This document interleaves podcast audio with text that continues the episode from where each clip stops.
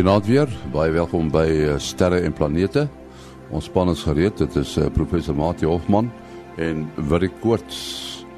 Ons gaan eers 'n uh, bietjie na ruimte nuus luister en, en dan kom Kobus Olkers aan die beurt met nuus oor ruimte weer. Onthou ons uh, Sterre en Planete boek as u meer inligting wil hê oor die boek en dit wil bestel. SMS die volgende woorde sterre na 4119 sterre 4119 nou eers ruimte nuus wat geskryf is deur Herman Torin in Bloemfontein. Die kans dat die asteroïde van so wat 10 km in deursnee wat die aarde so wat 66 miljoen jaar gelede getref het, die aarde op 'n plek sou tref wat tot die uitwissing van die dinosourusse sou lei, is maar so wat 13%. Het dit die aarde byna enige ander plek getref, sou die afkoeling van die aarde minder drasties gewees het en sou sekere dinosoure spesies oorleef het. So sê navorsers van die Tohoku Universiteit in Japan. Die asteroïde het die aarde in die omgewing van die Yucatan skiereiland in Mexiko getref. Rots wat weens die hitte verdamp het en veral roet het die sonlig afgekeer en 'n skerp daling in temperatuur veroorsaak ook ter see. Die roet was afkomstig van alge wat hulle dooie materiaal in kusgebiede sou neerlê om as sedimentêre gesteentes opgeneem te word. Sulke areas maak slegs 13% van die aarde se oppervlak uit. 4 jaar na die eerste prototipe van die Dream Chaser erg tydens 'n landingstoets verniel is, het dit nou na omvattende werk daaraan veilig geland. Die Dream Chaser is die produk van een van drie kontrakte aan verskillende maatskappye om tye te ontwerp wat van 2019 af die internasionale ruimtestasie met voorraad kan bedien. Die Dream Chaser is egter die enigste van die drie tye wat ontwerp is om soos 'n vaste vervliegtuig op aarde te kan land. Dit behoort dus meer sensitiewe vragte te kan dra, veral omdat dit die atmosfeer gladder behoort binne te gaan. Tot sover dan ruimte nuus wat geskryf is deur Herman Torin in Bloemfontein. Ja, soos uh, gewoonlik aan die program uh, gesels Kobus Olkers uh oor die uh ek wil amper sê die manne waardes van die son. Ja, goeienaand en goeienaand luisteraars. Die uh, son is is hardop pad na sy minimum toe daar's hierdie week net een magnetiese area op. Ek sit hier nou en kyk na die uh, na een van die ekstraalbeelde van die son en dit lyk soos drie linies van troepe wat afgestorm kom op die uh na die middelpunt van die son toe. Die die stukkie wat nou presies reg na die aarde se kant toe wys. Dis dis drie filamente wat sommer so reg langs mekaar sit. Uh en hulle is nou die gevolg van 'n noordelike area baie naby aan die ewenaar van die son en dan 'n suidgerigte area en dan weer 'n noordgerigte area. En 'n mens kan pragtig mooi sien die filamente is nou soos die heininge wat nou rondom hierdie hierdie uh, verskillende magneties gerigte uh areas is. En twee van hulle die heel verste ene lyk asof hy kan loskom maar hy is al so ver weg uh hy's glad nie meer geo-effektief nie. Die ouetjie wat die naaste aan ons is uh egter lyk vir my vreeslik onstabiel. Hy het uh twee ortogonale komponente en hierdie hierdie vreeslike komplekse woord beteken eintlik maar net hulle is loodreg op mekaar en daar waar die twee die kruis nou bymekaar kom, ehm um, lyk dit asof daar iets kan loskom. Die, hy is op die oomblik baie geo-effektief, presies reg. As hy sou loskom, dan gaan ons verseker weet dat ons 'n probleempie het hier met ons magnetosfeer. Waarskynlik soveel sodat dit selfs die GPS se kan kan beïnvloed. Uh, dit sal egter eers op die op die heel vroegste môreoggend kan daar iets hier aankom. Dan verder het ons 'n ouetjie wat daar ver links op die son sit, hy het net so pas oor die rand gedraai. uh, baie komplekse area. Ons het 'n 'n suidgerigte areaetjie wat uh omring is deur twee noordgerigte areas en dan is daar so eentjie nog so bietjie suid en dan weer regs van hom is daar weer nog 'n baie sterk noordgerigte area. Die stukkie is kompleks en as ou nou kyk na die ekstraalbeeld, die magnetiese beeld van die son en jy kyk na die na die e-, ekstra gedeeltes waar mense kan sien hoeveel energie daar loskom as die ding ryp vir afskiet. Ehm um, hy sal egter eers geo-effektief wees teen ek sou sê Dinsdag aand, Woensdagoggend se koers. Met ander woorde, as hy sou 'n koronamassa uitbarsting maak, so, uh, kan dit ons dan enigiets tussen kom ons sê nou maar uh, donderdag deur die dag tot by die naweek bereik. Natuurlik is terwyl hy aan die kant van die son is, as hy sou losbars, dan sou ons wel deeglik die ekstrale sien. En die ekstraal is natuurlik ook nie baie goed vir die vir die ionosfeer nie. En die ionosfeer is die die ding waar deur die GPS'e nou werk. So ons het hierdie week twee probleme. Jy moet nou maar nie te hard knoop op wie ook al die die GPS'e gemaak het as as hy dalk vir jou sê jy's in 'n ander straat as wat jy dink jy in is nie. Getrou op sy pos, Kobus Olkers, uh, ons ruimte weervoorspeller daar in Florida, Amerika. Ons het vir Willie Koorts by ons en ook vir professor Mati Hofman. Uh Willie, dis dis nou interessant. Jy weet mense vra vir jou uh, wat is daar te sien as 'n mens opkyk? Natuurlik is daar sterre en planete te sien. Die sterre is min of meer staties, lyk like dit. Planete beweeg. Maar dan nog maar watter tyd van die jaar jy kyk, nee, Willie? 'n eenvoudige manier om te dink aan die aan die naghemel soos jy nou daar gesê het, jy het nou die sterre wat noem hulle nou maar op oneindig sê maar hulle sit op 'n groot bal en dan sit die aarde ons weet eintlik die son is die middelpunt middelpunt van ons sonnestelsel en rondom die son het jy nou die klompie planete en ons is eintlik een van dit en omdat ons natuurlik in 'n jaar om die son beweeg uh sien ons uh verskillende konstellasies in die noem nou aan die nagkant van die aarde. Uh so die oorheersende winterkonstellasie is nou die Skorpioen en ehm um, omdat ons nou goed besig is om in die somer in te beweeg uh reg oor die Skorpioen sit Orion net soos die Skorpioen nou onder gegaan het uh, uh dan uh, dan begin Orion op te kom. Uh die twee sit nie presies reg oor mekaar nie. So ons is nou eintlik in die tydjie waar jy vir 'n tyd nie een van hulle kan sien nie. En ehm um, uh so ons is nou eintlik as jy dan nou opkyk uh vroeg aan die tyd van die jaar is sien ons eintlik hierdie gedeelte wat tussen die die twee noem dit maar helftes van die Melkweg want die Melkweg lê dan net mooi op die horison uh met Skorpioen aan die een kant en dan die Orion gebied in die aan die ander kant. Um, uh, so dit is eintlik nie so baie sterre wat 'n mens die tyd van die jaar sien as jy opkyk nie, maar as jy dan nou so wag tot so 10 uur se kant, dan uh, dan begin jy Orion mooi te sien opkom in die in die ooste en uh, dan sê dit vir ons die die somer is op pad.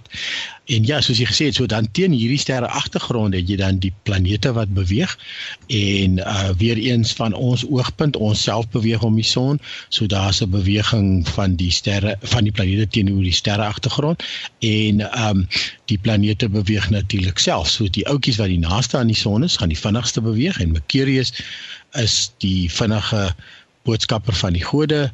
Uh, hy word altyd uitgebeeld as 'n ou met sulke vlekkies aan sy sandale en uh, uh beweeg baie vinnig en vat 88 dae om eenmal om die son te beweeg wat beteken dat ons sien vir Mercurius so uh nooit baie ver van die son af nie en ons sien ook vir Mercurius net vir so trend 'n maand, 'n maand en 'n half, dan dop hy weer aan die ander kant uh verdwyn weer in die gloed van die son en dop weer in die oggend uit.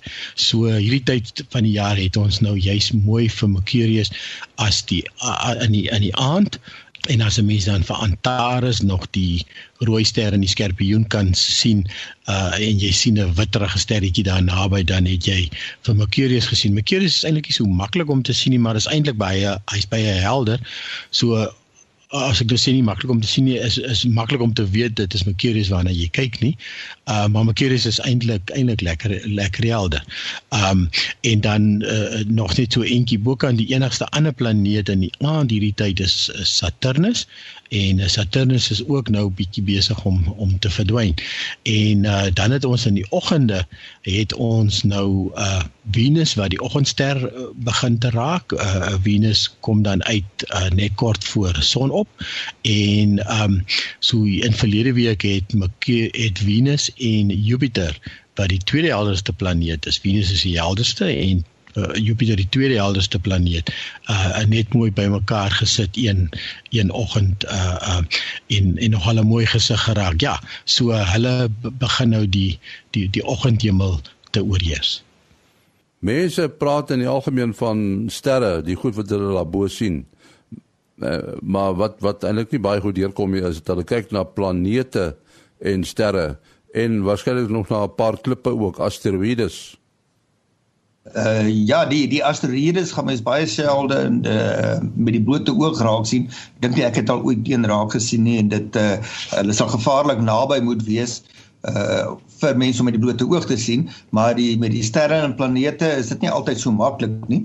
Ehm um, behalwe dat mens weet daar's baie baie meer sterre as uh, as planete, maar sodra mens na die helderder voorwerpe kyk, dan raak die kans groter dat 'n mens dalk na 'n planeet kyk en uh en nie 'n ster nie. Kan mens nou deur uh, dit vir 'n tydjie dop te hou weens die beweging sê jy nou kan onderskei. Dit as dit beweeg teenoor die ster agtergrond, dan is dit bepaald nie 'n ster nie. Maar as mens nou nie so lank wil wag nie, veral vir die verder planete soos jy sê Jupiter en Saturnus, sal jy nogal hele rukkie hulle moet dophou om hulle beweging teenoor die ster agtergrond te kan sien. Dan moet mens nou maar die uh vonkel effek of die afwesigheid daarvan uh gaan neem as 'n as 'n maatstaf so sodra jy na die voorwerpe kyk laag in die atmosfeer uh dan gaan die sterre tipies dan nou vonkel uh, dis omdat hulle puntligbronne is en die effek van die atmosfeer maak dan dat die uh die hoeveelheid lig in die presiese plek op uh, op jou retina waar die ster se lig gefokus word 'n bietjie 'n bietjie varieer met die planeet word daai effek uh grootliks uitgekanselleer omdat dit nie 'n puntbron is nie. Al kan jy net met jou blote oog dit as 'n ronde skyfie gaan sien nie. Ehm um, is dit tog maar uh, teenwoordig. Nou maar die die die die an, ander manier natuurlik is is net om 'n sterkaart uh, te gaan raadpleeg. Dit uh en dit is 'n so 'n bietjie oefening om uh, met 'n sterkaart te werk. Jy moet hom nou maar uh gaan uitdruk vir jou ligging. Uh jy hoef nou nie presies noodwendig tot op die kilometer reg te wees nie. As jy nou 'n sterk kaart vir Bloemfontein druk, dan sal jy hom met groot sukses vir die hele sentrale binneland kan ge, kan gebruik, behalwe as jy nou na voorwerpe op die op die horison kyk. Ehm um, en dan moet mens jou uh jou rigting kry en die sterkaart daarvolgens oriënteer en dan soek jy nou maar vir 'n helder voorwerp. Wel, as jou sterkaart nie die planete aandui nie, as jy 'n standaard sterkaart uit 'n boek uit gebruik uh, wat jy nou nie vir 'n bepaalde presiese datum kon druk nie, maar net vir 'n seisoen, dan en jy sien 'n helder voorwerp wat nie op die sterkaart is nie, dan is dit 'n hoog waarskynlike planeet, maar as jy nou vanaf die internet gaan, soos byvoorbeeld die webwerf waarna ons dikwels verwys heavenskoppeltekenabove.com dan sal hy vir jou wys waar die planete sit.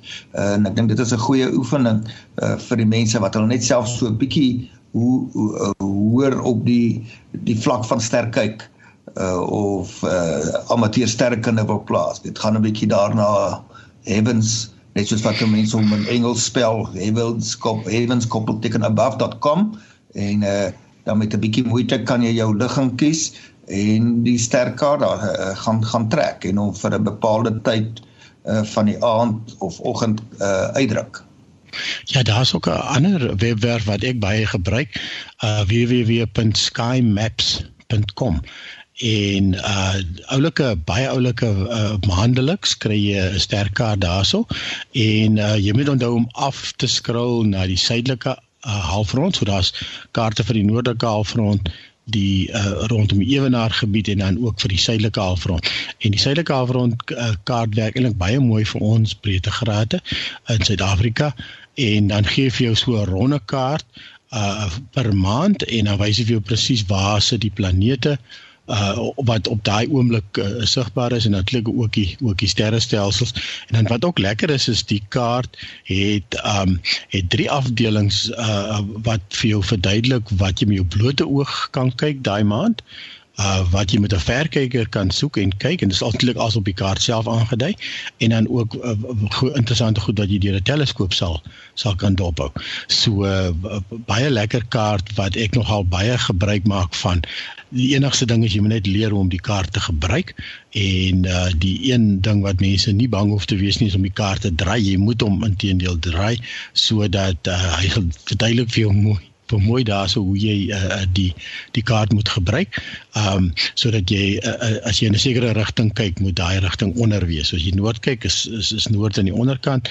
As jy suid kyk, suid of as jy byvoorbeeld suidwes kyk, dan draai jy om dat suidwes aan die onderkant is.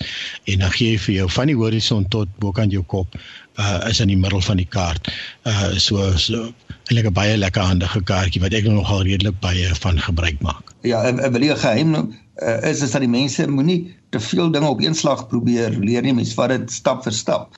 So as mens nou jou eerste sterkaart uh uitgedruk het, uh neem net die paar heel helderste sterre en uh leer hulle ken want hulle is jou bakens jou uh, ten opsigte waarvan jy jou uiteindelik orienteer. Mens weet later uh, watter tyd van die jaar kan jy watter helder sterre sien. Uh, en dan praat ons nou van Sirius en Canopus en uh, die drie konings en uh, Regulus. So daar's so klompie helder sterre en dit is dan ook sommer jou bakens om die konstellasies te vind want hulle speel almal 'n prominente rol in een of ander konstellasie. Uh, uh, nee, so dit klink vir my die Sky Maps is 'n baie oulike program. Op die Heavens Above het jy nou die uh voordeel weer dat jy die satellietvoorspellings vir jou plek en uh tyd kan gee. Uh ek het nou juis uh laaste uh, laaste week Sondag aand 'n uh, baie helder oorvlug van die internasionale ruimtestasie uh, kon volg saam met my gesin. Ehm um, mens moet dit nou net betyds gaan optel. Party van hierdie satelliete se voorspellings word 10 dae vooruit gegee. Dan kan jy daarvolgens voorspel. En daar so helderheid getalletjie wat ons nie nou hoef te verduidelik nie, maar as hy negatief is, dan sit nou opwindend. En hoe meer negatief hy is, hoe meer opwindend dit uh, is dit. En partykeer voel dit of die of hulle spesiaal die ruimtestasie gestuur het om hier oor Bloemfontein te kom vlieg. En uh, uh dan word dit mos baie baie helder. Wat baie mense nie besef nie is dat Heavens Above kan jy ook terugdraai of vorentoe draai in tyd. Sodat as jy iets gesien het, uh, en jy wonder wat sy helder satelliet was daai of jy 'n iridium fakkel toevallig geskied gesien dit is van hierdie satelliete wat skielik vir 10 sekondes of so baie helder word uh, uh, kan jy dit gaan terugdraai kan jy tyd gaan terugdraai en dan kan jy sien presies wat het jy gesien wil jy as mens nou jou uh verjaardagpartytjie in die aand het en jy kan nou gaan kyk is daar nie dalk 'n iridium flits uh vir jou verjaarsdag nie? Uh, dan kan jy nou jou gaste beïndruk nê en sê op daai minuut en sekonde het ek vir julle daai satelliet gereël om te flits op my verjaarsdag. Dit daar's genoeg dinge wat ons laat dom voel uh in die lewe, so as 'n mens so nou en dan mense kan beïndruk omdat jy nou net weet van 'n bepaalde webwerf oor satelliete wat hulle nog nie van weet nie. Hoekom nie? Ja, daar's 'n interessante applikasie ook vir uh, slimfone, Go Set Watch. Uh Go Set Watch en hy gee vir jou toegang tot die bane van talle satelliete in insluitende die internasionale ruimtestasie. En wat nou lekker is van hom is, hy kyk ook weer na waar jy woon en dan gee hy vir jou 'n alarm voor die tyd. Uh sodat jy nie vergeet om te kyk dat die ding oorkom nie. Dit is nogal baie lekker. Go set watch. Dit is seker vir die vir die iPhone seker, nê? Nee. Ja, hy sê um, hy hy hy, um, hy is ook vir die ander die Android fone. Mati, ons het hierso 'n uh, interessante vraag. Dat nou net 'n e-pos aangekom van van Fred van Wyk. Hy sê hy luister gereeld na die program en hy wil net weet wat sal die invloed van die son se aantrekkingskrag op die aarde wees? Hy sê die aarde se gewig, massa is besig om af te neem deur al die ruimte rommel en dit is die ruimtetuie wat opgestuur word. Daar word jaarliks duisende tonne kilogram metale kos, brandstof en so voort die ruimte ingestuur wat nie noodwendig terugkom nie. En hy sê of dit nie 'n effek het op die massa van die aarde nie. Ja, dit is 'n interessante a, vraag, maar a, as mens nou die aarde se massa gaan bereken, uh, dan moet jy nou in gedagte hou dit word dit is uh, word bepaal deur sy digtheid uh, maal sy volume en die volume is enorm en dit hang saam met die uh die derde mag van sy van sy radius. Uh so 'n uh, 'n voorwerp met 'n baie baie groot uh, deursnee se se massa is nog tot die derde mag groter as 'n voorwerp met 'n baie kleiner deursnee. So die hoeveelheid massa wat ons afstaan aan die ruimte om ons is absoluut gering in vergelyking met die massa van die van die aarde. Dis nou die een aspek, maar die ander baie interessante aspek is dat al sou die die aantrekkingskrag van die son op die aarde afneem omdat die massa afneem. Eh, sien nou maar argumente onthaalwe hier's 'n groot impak uh soos wat waarskynlik baie baie lank gelede plaasgevind het wat 'n klomp massa uit die aarde uitgeskiet het wat toe die maan gevorm het. Dit is nou uh die model wat redelik algemeen aanvaar word vandag vir die vir die herkoms van die van die maan. Ehm um, wel in daai geval behalwe nou van die die momentum oordrag uh wat die aarde uit sy baan uit kan stamp, maar dit is nie as gevolg van die son se aantrekkingskrag nie, dit is as gevolg van die die voorwerp wat inkom en die impak veroorsaak. Uh maar kom sê argument onthaalwe mens breek 'n groot stuk van die aarde weg of verplaas dit in die ruimte in. Dan gaan die aarde maar rustig in presies dieselfde baan aangaan. Die krag neem af, maar uh die massa wat deur daardie krag versnel moet word, neem dien ooreenkomstig ook af. So hy uh, die die die baan wat gevolg word op 'n bepaalde afstand hang nie van die massa af nie. Dit hang maar net af van die die, die aanvangsvoorwaardes. Op watter afstand is die voorwerp op daai stadium en in watter rigting en met watter spoed beweeg hy op daai stadium. So twee voorwerpe met totaal verskillende massa wat dieselfde aanvangsvoorwaardes het ten opsigte van posisie, beweging, uh gaan op presies dieselfde baan beweeg. As dit nie so was nie, uh, dan sou sê nou maar die die son wou ons wat los staan op die aarde staan in 'n ander baan laat beweeg as wat hy die aarde wil laat beweeg, dan sou ons mos nou weggedrywe het uh, uh van die aarde af. Ja, dis interessant. 'n Mens dink nou aan die mensgemaakte goed wat nou gebeur hierso. Die die aarde verloor wel iets soos uh 95000 ton per jaar aan aan natuurlike prosesse uh um uh, uh, radioaktiewe goed wat afbreek en uh, uh van die gasse wat in die ruimte in ingaan so dit is dit is eintlik baie meer as wat mense dit, dit kan doen. Aan die ander kant van die skaal weer uh erns tussen 100 tot 300 ton per dag word aan die aarde weer bygevoeg deur deur meteore en en stof en goed wat uit die ruimte op die aarde inval. So dit dit trek so erns tussen 300 000 en 'n en, en so tussen 30 000 en, en 100 000 ton per jaar. So die die prosesse is baie baie groter as wat as wat as wat die mens se bydra is. So dit lyk my ons ons uh um die die stof en goed wat by die wat ons uit die ruimte uit, uitkry wat bygevoeg word en dan wat die aarde natuurlik verloor as gevolg van uh hierdie ander prosesse is is min of meer in balans. Ja, so ietsie anders uh, weer uh, pendeltuie. Ja, almal weet dat die eeu van die pendeltuie is verby. Dit is die Amerikaanse pendeltuie, maar nou sien ek daar 'n berig dat die opvolger van die pendeltuie is nou getoets. En dis nou interessant want uh, ek weet Amerika wil waarskynlik minder afhanklik wees van van die Russe om die internasionale ruimtestasie te dien. Uh ja, die uh, Amerikaners het nou dit baie stiltyd wat uh menslike ruimtevaart betref na die aftrede van die van die pendeltuie. Uh, hulle het nou weet opvolgers van die van die penalty vir die militêre toepassings maar dit is nog heeltemal onbemand op op op hierdie stadium. uh, uh, belangrike stuk werk wat hulle ge, gedoen het in voorbereiding vir die volgende era van bemande uh, ruimtevaart is hulle uh, hulle nuwe vuurpyl uh, uh, wat hulle ontwikkel. Ek moet nou ehm um, uh wil jy moet nou help met wat wat noem hulle daardie baie kragtige nuwe vuurpyl dit wat nou die space launch system Ja, die Space Launch System. Geweldige kragtige vuurpyl. Ehm uh, wel ek dink uiteindelik uh, gaan hy kragtiger wees as uh, beslis kragtiger wees as die Saturnus 5 wat destyds uh, die Apollo tye die ruimte inge uh, ingelanseer het uh, na die maan toe.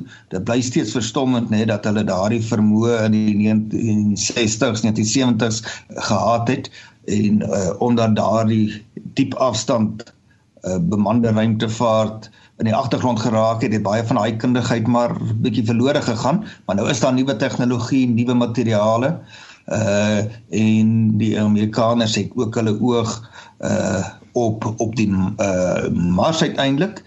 Dit lyk wil nou vir my lyk of wat uh, bemande ruimtevaart behalwe van die internasionale ruimtestasie uh, maar wat die die ruimteverkenning betref dalk weer bietjie kan uh, terugverskuif onder die die nuwe administrasie. uh, wat nou uh, in Amerika uh, ge, gevestig word wil hulle weer dalk kyk na die maan in uh, in plaas van fokus op mense na Mars stuur dalk eerder kyk na permanente uh, basis op die maan Die vraag is hoe vinnig hulle met daardie planne kan vorder voor daar weer 'n volgende administrasie met 'n volgende presidentsverkiesing kom wat dalk sê nee, maar kom ons gaan weer fokus op uh, uh, op Mars eerder as die maan.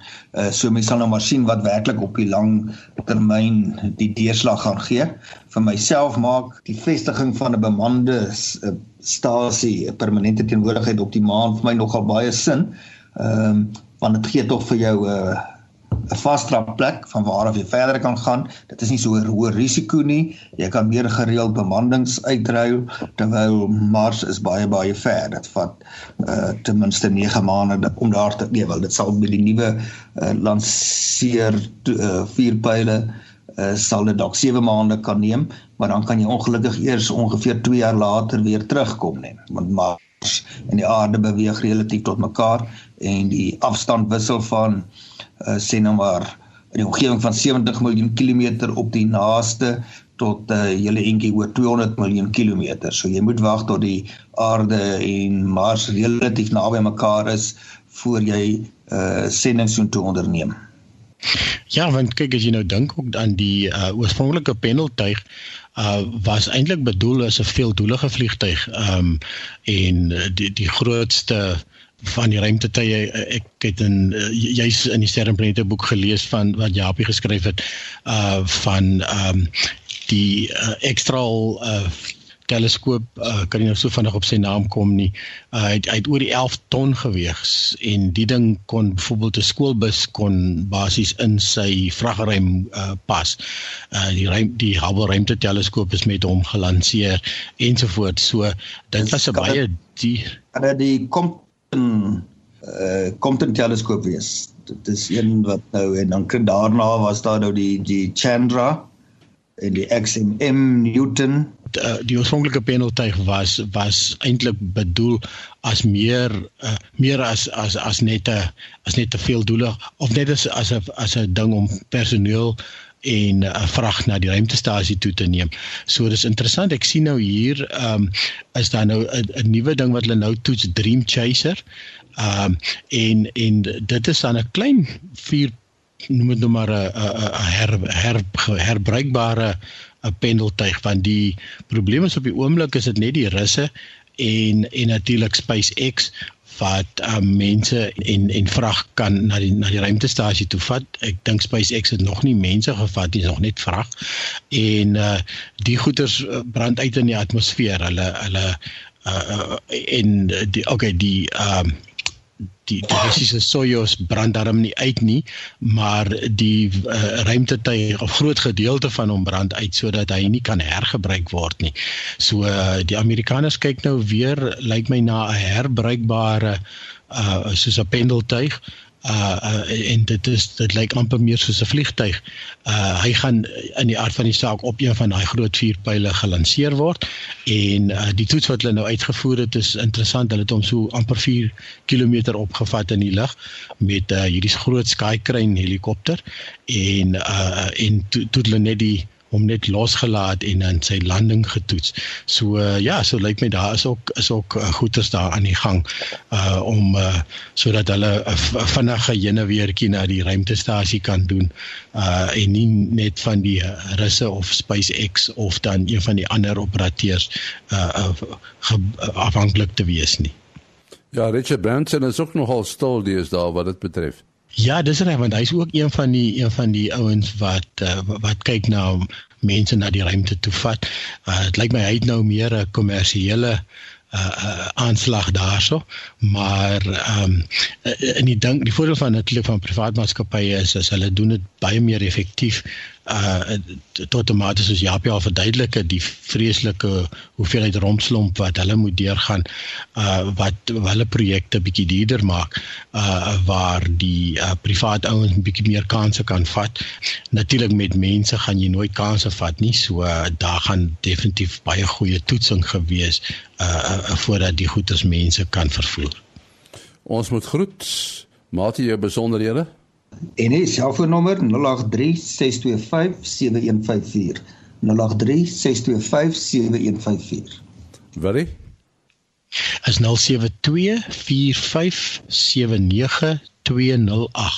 0724579208. En dan my e-posadres maas.henny@gmail.com. maas.henny@gmail.com. Tot volgende week. Alles van die beste.